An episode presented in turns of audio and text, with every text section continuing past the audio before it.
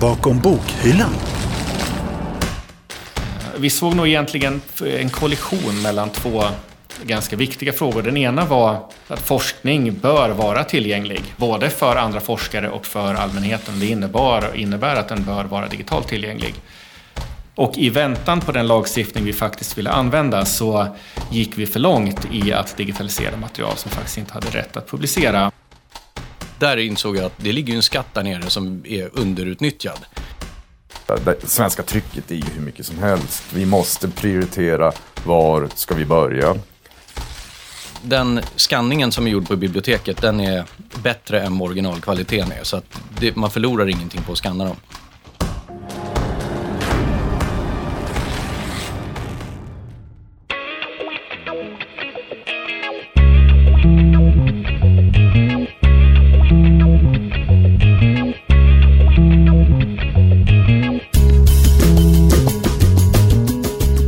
Förstörelsen av biblioteket i Alexandria, bokbål i Kina och i Nazityskland, konquistadorernas ödeläggelser av skrifter i Maya-templen, IS härjningar och förstörelse av kulturskatter i Syrien.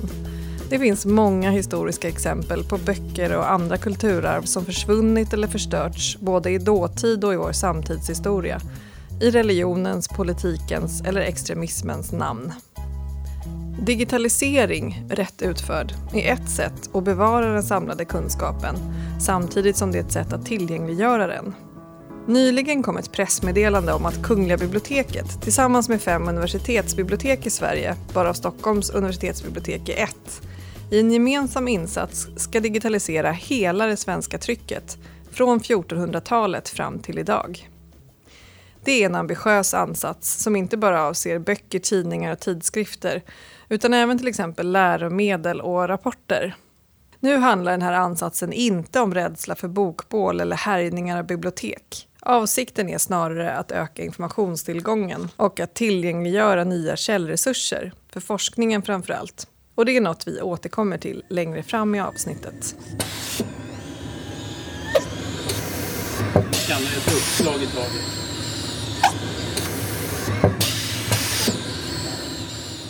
Men nu står vi mitt framför den digitaliseringsrobot som köptes in 2011 för att kunna påbörja det stora digitaliseringsprojektet här på Stockholms universitetsbibliotek. Där vi bland annat digitaliserade och publicerade omkring 1500 doktorsavhandlingar vilket skulle skapa rubriker i tidningar och en anmälan till justitiekanslern. Men det återkommer vi också till sen. Vad är det som kan bli fel? Alltså att den tar två sidor i taget eller vad? Ja, just det. Men då stannar den ofta för att det känner den av själv. Det är att det kan bli, kan liksom bli hack i texten här. Att den... Jag står här vid roboten tillsammans med Torsten Håkansson, bibliotekarie på universitetsbiblioteket som jobbat med just digitaliseringsfrågan i många år. Hur är en snäll bok då? Ja, då, då är den så här? Då, är, då skannar det bara, då kan man nästan gå härifrån. Och just digitaliseringen av alla doktorsavhandlingar från Stockholms universitet och tidigare Stockholms högskola är ett särskilt prioriterat område som pågått under flera år vilket är något som Torsten och hans kollegor jobbar med varje dag.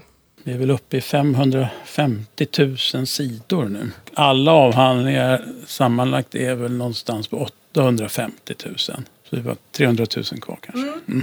Så två tredjedelar typ? Har ja, just det. Ja. Och hur många avhandlingar är det då? Drygt 5 000. Parallellt med det här så håller vi också på att gå igenom vårt avhandlingsförråd liksom börja från början så att allting står kronologiskt och sådär mm. ordentligt. Kan man få kolla hur det ser ut där? Ja. Kan vi göra det nu? Det kan vi göra. Ja. Det är ju ett rum här borta. Sånt. Alltså det har ju varit mycket, mycket mer när det, när det fanns många exemplar. Okej, här. Här inne så här står Här har det alltså varit fullt med avhandlingar en gång i tiden. Va? Ha. Men här är då första hyllan som började 1906 och gick fram till 2004. Här då. Sen började handlagret. Tanken är då att det ska vara en, en svit med ett exemplar av alla avhandlingar mm. från 1906 och framåt. Så att det är tydligt att de här är de vi sparar. De får man inte röra. Uno Willers, var det inte han som var ÖB här? Oskar Reuterswärd. Här är Hans Blix, ja. Ja. Mm. Och nu är vi inne på vilket decennium? Det här är 59, så det är mm. fortfarande Stockholms högskola. Mm. Olof Lagerkrans? Man tittar 32 in där. Så att... Ja, alla har ju inte namn på ryggen. Namn, nej. Volin. Myrdal. Ah. Krisbildningsproblemet och föränderligheten. Ja, där. där är Dag mm. man kolla? Konjunkturspridningen, en teoretisk och historisk undersökning av Dag Hammarskjöld. Ja, det här är ju kunskapsarvet. Verkligen.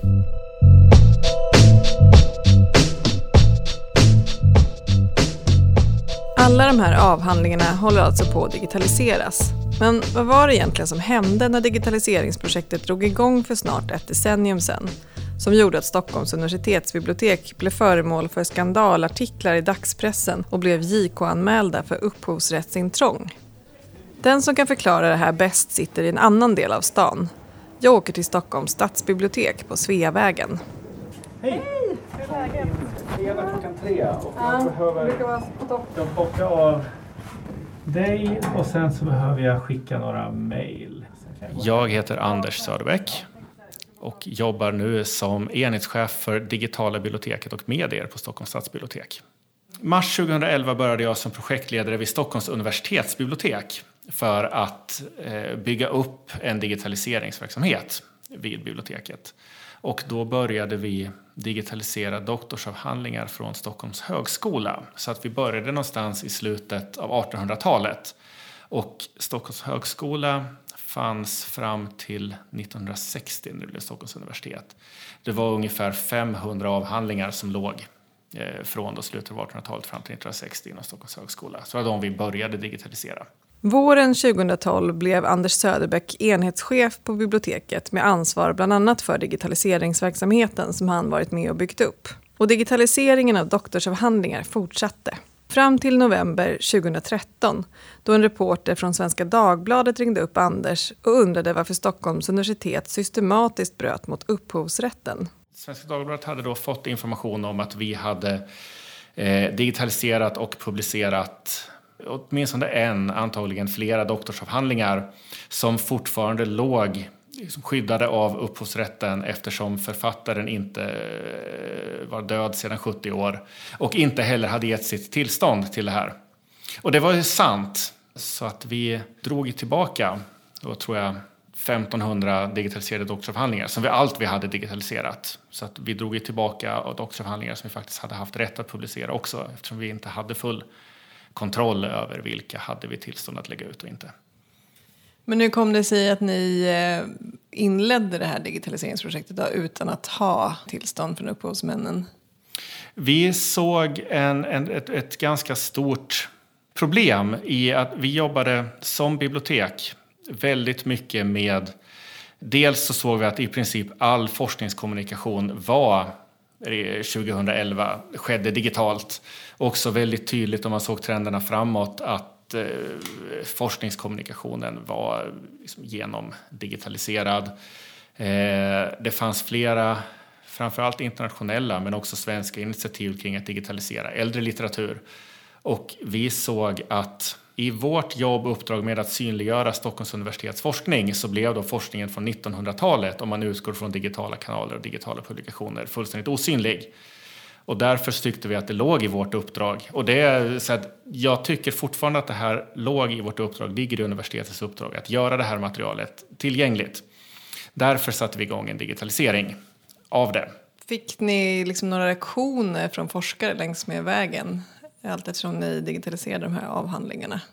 Vi fick flera väldigt positiva reaktioner. Den första reaktionen vi fick var från juridiska institutionen som hörde av sig och tackade för att vi hade digitaliserat den första avhandlingen i juridik vid Stockholms högskola. Sen fick vi reaktioner från flera forskare som hörde av sig till oss. Antingen tackade för att vi hade gjort någonting som de letade efter tillgängligt för att framförallt inom, inom eh, humaniora och samhällsvetenskap så är äldre forskning fortfarande intressant. Och då hade man hittat den här i antingen i, i, i någon annan del av Stockholms universitet, någon annan del av Sverige. Jag tror att vi var någon amerikansk forskare som hörde av sig och undrade om liksom, finns det mer som ni kan eh, digitalisera.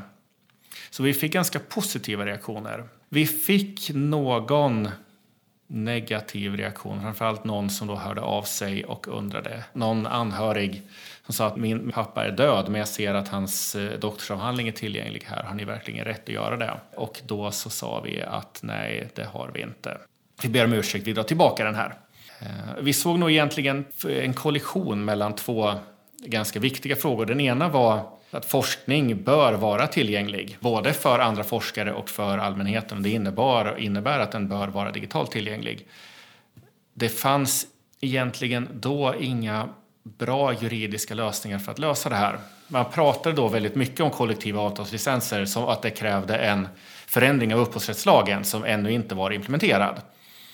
Och vi väntade också på den förändringen i upphovsrättslagen och tänkte att så fort den är i land då behöver vi ta kontakt med någon organisation som kan representera de här författarna och kan vi skriva någon form av kollektivt avtal för att publicera större mängder avhandlingar.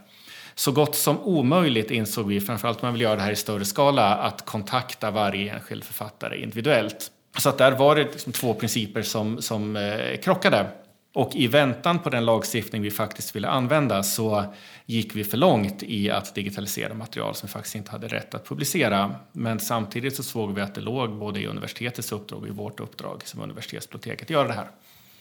Men det var ju i alla fall en forskare som var väldigt missnöjd med att hans avhandling låg ute och drog det ganska långt genom rättsväsendet helt enkelt. Vad hände i med hela den eh, historien? Det finns ju två spår här. Det ena är den mediala diskussionen. Det andra är att vi blev anmälda till JK, justitiekanslern, av en forskare som då också hade rådgjort med någon jurist som skulle jag ärligt talat säga var fullständigt ute och cyklade. För att han hade på något sätt då fått intrycket om att det här skulle röra sig om skadestånd i, i, i liksom miljonklassen.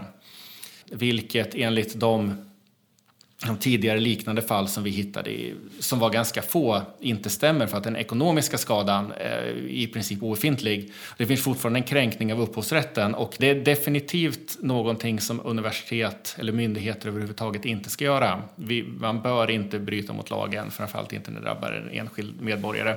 Så att där finns det en, en grund för skadestånd, men det rör sig inte om miljoner. Det var en person som drev det här och det diskuterades nog bland flera forskare som undrade vad är det som händer och varför är det här någonting vi borde göra någonting åt. För jag minns att jag, jag gärna ville att JK skulle driva det här vidare för att det vore bra att få någon form av klarhet i den här frågan. Vad rör det här sig om? Vad, så den första artikeln i Svenska Dagbladet, eh, Stockholms universitet bryter mot lagen, ledde ju sen till en uppföljande artikel där man intervjuade forskare, professorer vid både Umeå och Stockholms universitet som säger att forskning bör delas på nätet. Eh, det finns ett problem, som Mårten Schultz som då redan var en ganska profilerad professor i juridik, att det stämmer att det här är i strid med lagen, men problemet är, är lagen, inte att eh, forskningen ska kunna publiceras. Så att här borde lagen ändras.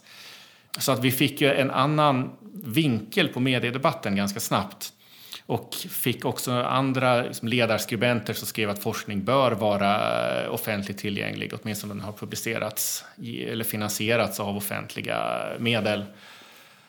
Vilket ju de allra flesta doktorsavhandlingar har gjort. Det ledde fram till en diskussion inom Stockholms universitet där man också skrev om disputationsordningen och skrev in att doktorsavhandlingar ska publiceras fritt tillgängligt på nätet om om det inte finns några juridiska hinder mot det. Så att vi, vi fick en ganska bra diskussion genom det här. Och därmed inte sagt att det var rätt. Men det var åtminstone delvis rätt.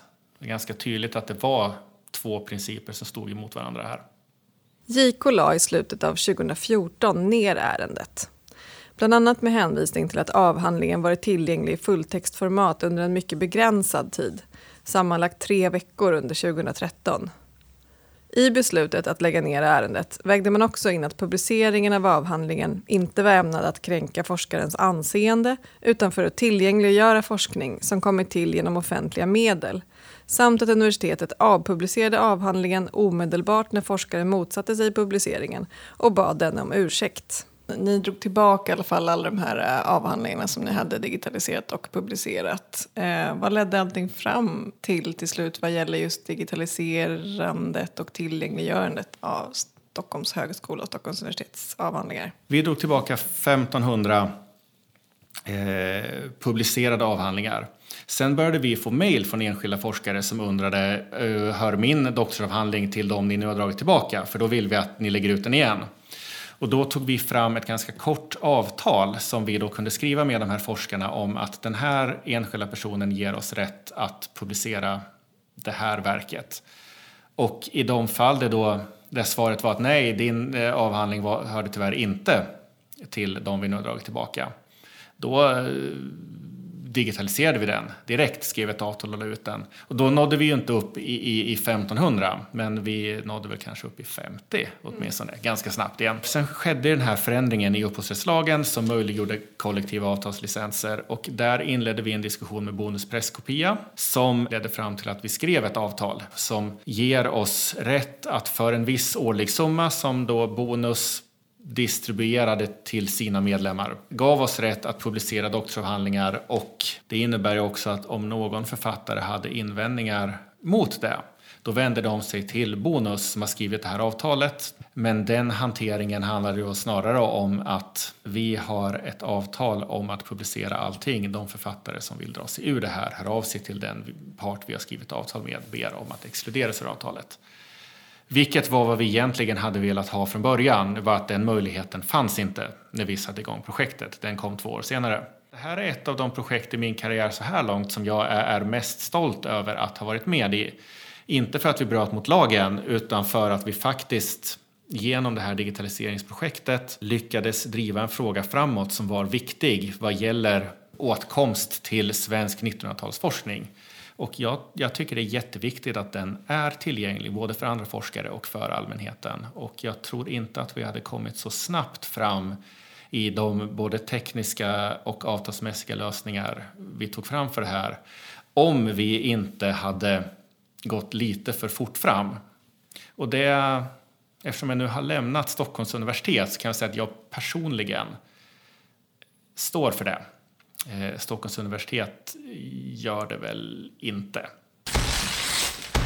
Bakom bokhyllan.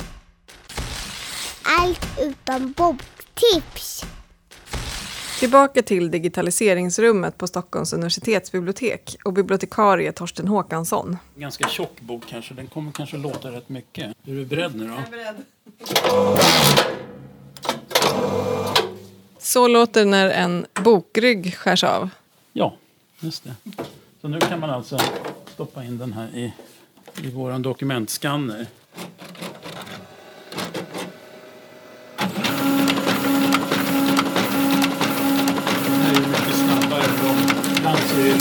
Lim i böckerna ja, och då kan det fastna och då får man liksom fixa det. Då. Att det sitter, sidor sitter ihop liksom.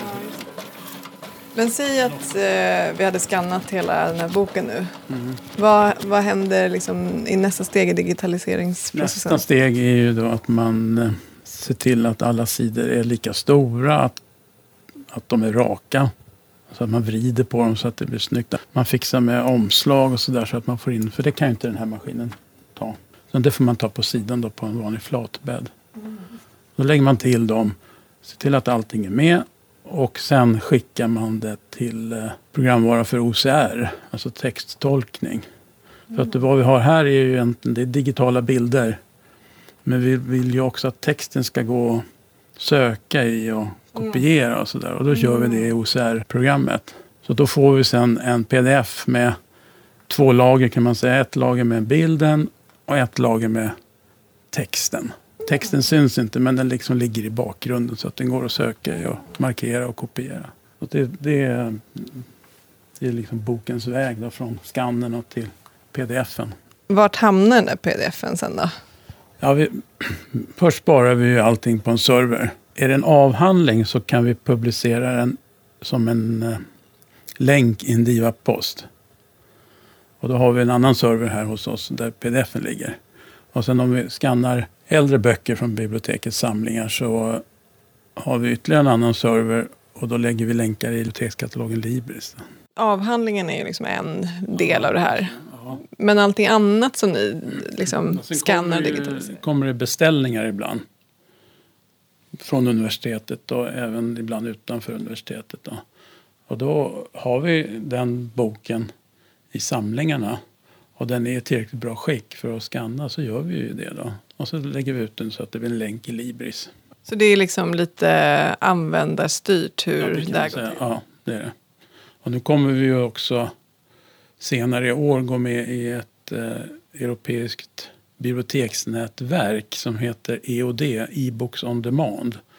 Vilket gör att det kommer att finnas en knapp i, i Libris-posten som man kan trycka på för att beställa en bok. Och då Så det innebär liksom för användaren att det blir enklare på något sätt med hela... Det blir enklare. Det kommer, och så blir det ju en prislapp på det där. Så att priserna varierar lite grann. Från början har vi kallat det för digitalisering. Men eftersom det begreppet används i ett mycket större sammanhang idag, liksom samhällets digitalisering, så har vi valt nu att döpa om oss till digitisering. Det känns lite obekvämt men det är mer för att liksom visa att vi inte håller på med den här stora idéerna utan mer liksom håller på med skanning och sånt där. Vilka är det som, eh, som ni ser som har behov av digitisering? Ja, det, alltså, det kan ju vara de som vill ha kursmaterial.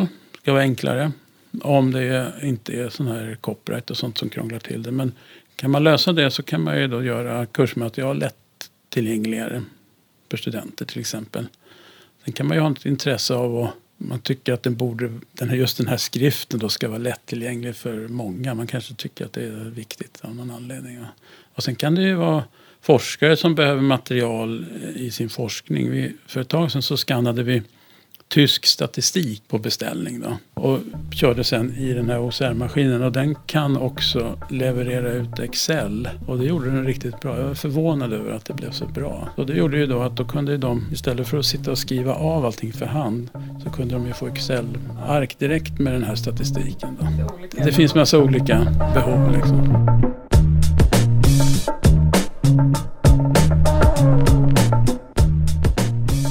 Någon annan som haft nytta av material som digitiserats är Richard Gyllenkreutz, universitetslektor i marin geofysik. Själva rullarna. Så kan ta upp ett exempel här. Där det står 8209 del 1 norra Östersjön. Och så står det par 250 till 500 hertz. Par står för Pneumatic Air Release. Så det är alltså förkortning för att man har använt luftkanon. Och så står det klockslag faktiskt där, 18.15 till 04.00. De här gamla rullarna körde man ju det var ju maskiner, alltså skrivare som skrev ut samtidigt som man samlade in datat. Och enda sättet att hålla koll på vad som var vad, det var ju klockslag. Jag forskar alltså om havsbottnar, eller snarare med havsbottnar. Det, jag tittar på havsbottnarna som klimatarkiv. Så jag försöker att förstå hur klimat och framförallt eh, inlandsisar har ändrat sig på tidsskalor om sådär 100 000 år. Och då använder vi väldigt mycket ekolod eftersom havsbottnarna ligger ju under en väldig massa vatten. Och det är ju ett problem eftersom det är svårt att komma åt dem men det gör ju också att vi kan skicka ner signaler genom vattnet. Och sen tar vi sedimentkärnor, alltså i princip borrar i havsbotten för att ta upp material som vi sen studerar i labbet för att hitta olika typer av klimatsignaler som bevaras i sedimenten på olika sätt. En av pionjärerna inom detta med att undersöka havsbottnar var docent Tom Flodén som liksom Richard Gyllenkreutz var verksam vid SU. Under många år samlade han in enorma mängder data genom seismik, ett område inom geofysiken där man kan undersöka mark på land eller havsbotten genom att skicka ut elastiska vågor, i det här fallet i form av en explosion under vattnet med hjälp av en luftkanon. Tom Flodén kartlade under sin tid på SU i princip hela södra Östersjöns havsbotten och all data hamnade till slut på kilometervis av pappersrullar. Och det som till slut hamnar i vetenskapliga publikationer, det blir ju liksom bara snuttar av det här. De intressantaste bitarna som man gör någon publikation av. Och då finns det massa material där som ingen mer än han och hans kollegor på den tiden har tittat på. Och där insåg jag att det ligger ju en skatt där nere som är underutnyttjad. Och då var det ett särskilt forskningsprojekt som eh, jag... Det är inte en av mina huvudgrejer, men jag håller på med det lite, vid sidan om. Och det är för att kartlägga inlandsisen eh, under avsmältningen och var isen fanns i Östersjön. För vi har ju ganska bra koll på var isen fanns på land i olika avsmältningsstadier. För det blir ju ändmoräner och det blir ja, diverse spår i terrängen som går att se. Men eh, på havsbotten så ligger ju de där, de där spåren är övertäckta för att det kommer ju nya sediment. Det ligger massa lera och sand och slam ovanpå de lämningarna. Så då, då behöver man ju titta igenom sedimenten och då tänkte jag att då kan man titta om det finns någonting i hans gamla mätningar som man kan, som avslöjar några spår av istäcket på havsbotten. Efter lite detektivarbete tillsammans med en kandidatstudent lyckades Rickard få hjälp med att hitta de rullar han behövde till sin forskning och sen få dem digitaliserade, eller digitiserade, med hjälp av biblioteket. Finns det uppenbara fördelar med eh, att använda sig av digitalt material eller digitaliserat material? Ja, det var ju en förutsättning för att vi ska kunna få ett grepp om det här överhuvudtaget. För att sitta med de här pappersrullarna, alltså de är många tiotals meter långa. Bara logistiken med att rulla ut de här och titta på dem är jätteknepig. Och, alltså, det är klart, backar man några tiotals år här så det var ju så man gjorde. Man satt med pappersrullar och färgpennor och, när man arbetade med materialet. Men det blir så otroligt mycket effektivare om vi får det i digital form. Vi kan få upp det på en skärm och man kan scrolla igenom det på dataskärmen lite snabbt. Och man kan faktiskt, eh, det har vi inte gjort än, men det finns planer på att man faktiskt kan digitalisera det ett snäpp till. Och det är att återskapa signalen som de här eh, diagrammen ska vi säga, är gjorda ifrån. Genom att alltså, ja vad ska man säga, räkna baklänges för vad det är för någonting som har orsakat de här små, det är små kurvor på ett papper. Så det, det är liksom nästa steg i det här och faktiskt ta tillbaka det. För då kan vi använda ja, statistiska metoder för att gå igenom materialet också. Det, det går ju att göra mycket, mycket mer om vi digitalisera ett snäpp till. Finns det liksom några nackdelar med att jobba med digitaliserat material? Alltså blir det lika bra bilder eller, eller lika bra liksom information som så här, det riktiga analoga materialet? Nej, det blir, det blir ingen försämring i alla fall inte med det här materialet. För att det är den typen av data som vi har, det blir inte så bra kvalitet på diagrammen, alltså ursprung, så att det är något problem den skanningen som är gjord på biblioteket den är bättre än vad originalkvaliteten är. Så att det, man förlorar ingenting på att skanna dem.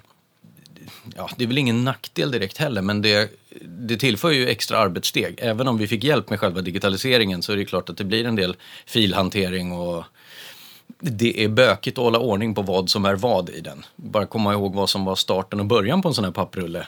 Men det är ingen nackdel, det är bara så det är. Man, är. man är tacksam för att få hjälp med det här. Och, och, att skanna 20 meter långa papprullar, det är faktiskt inte så lätt. Bara att hålla pappret rakt. Så att vi är glada att få hjälp av proffs med den saken.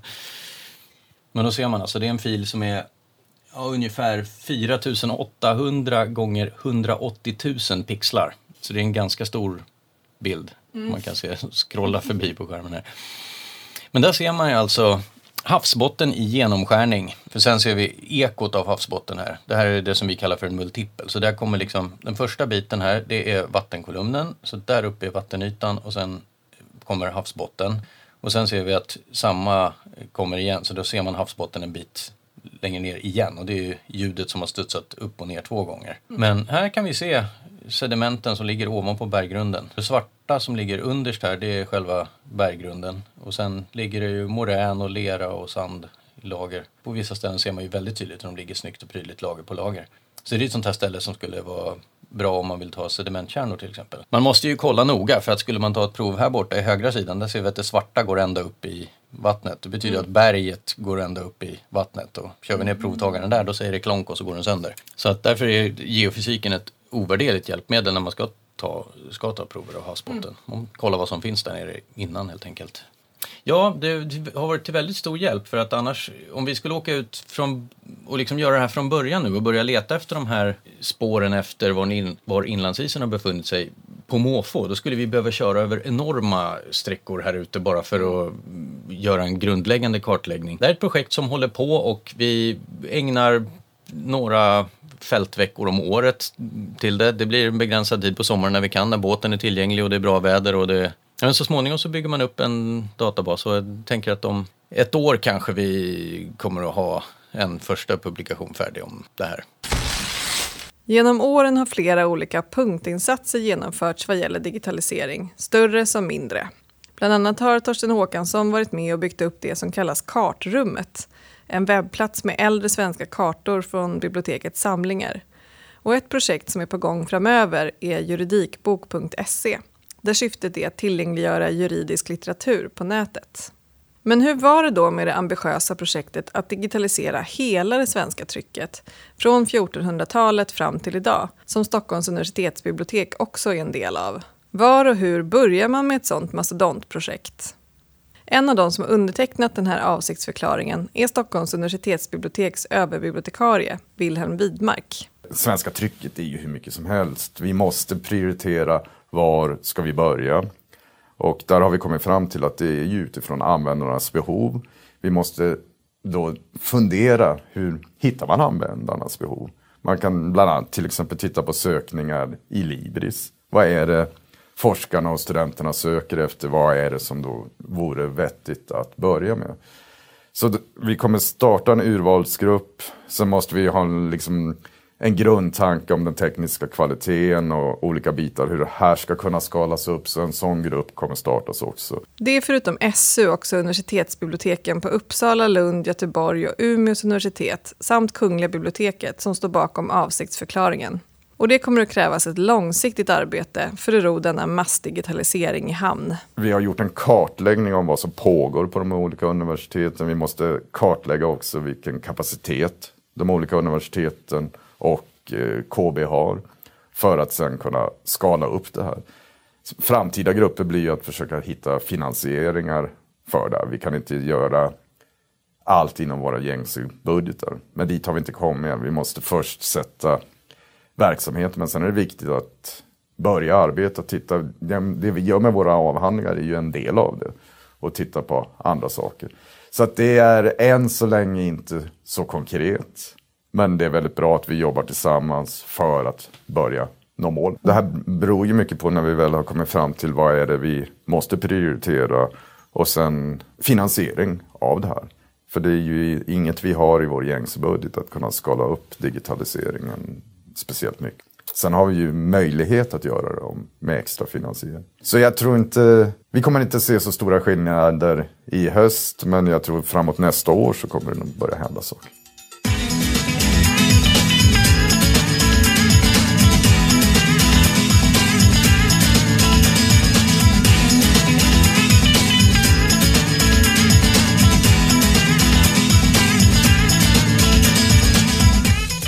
Har hört det 28 avsnittet av Stockholms universitetsbiblioteks podd Bakom bokhyllan, som den här gången handlade om digitalisering.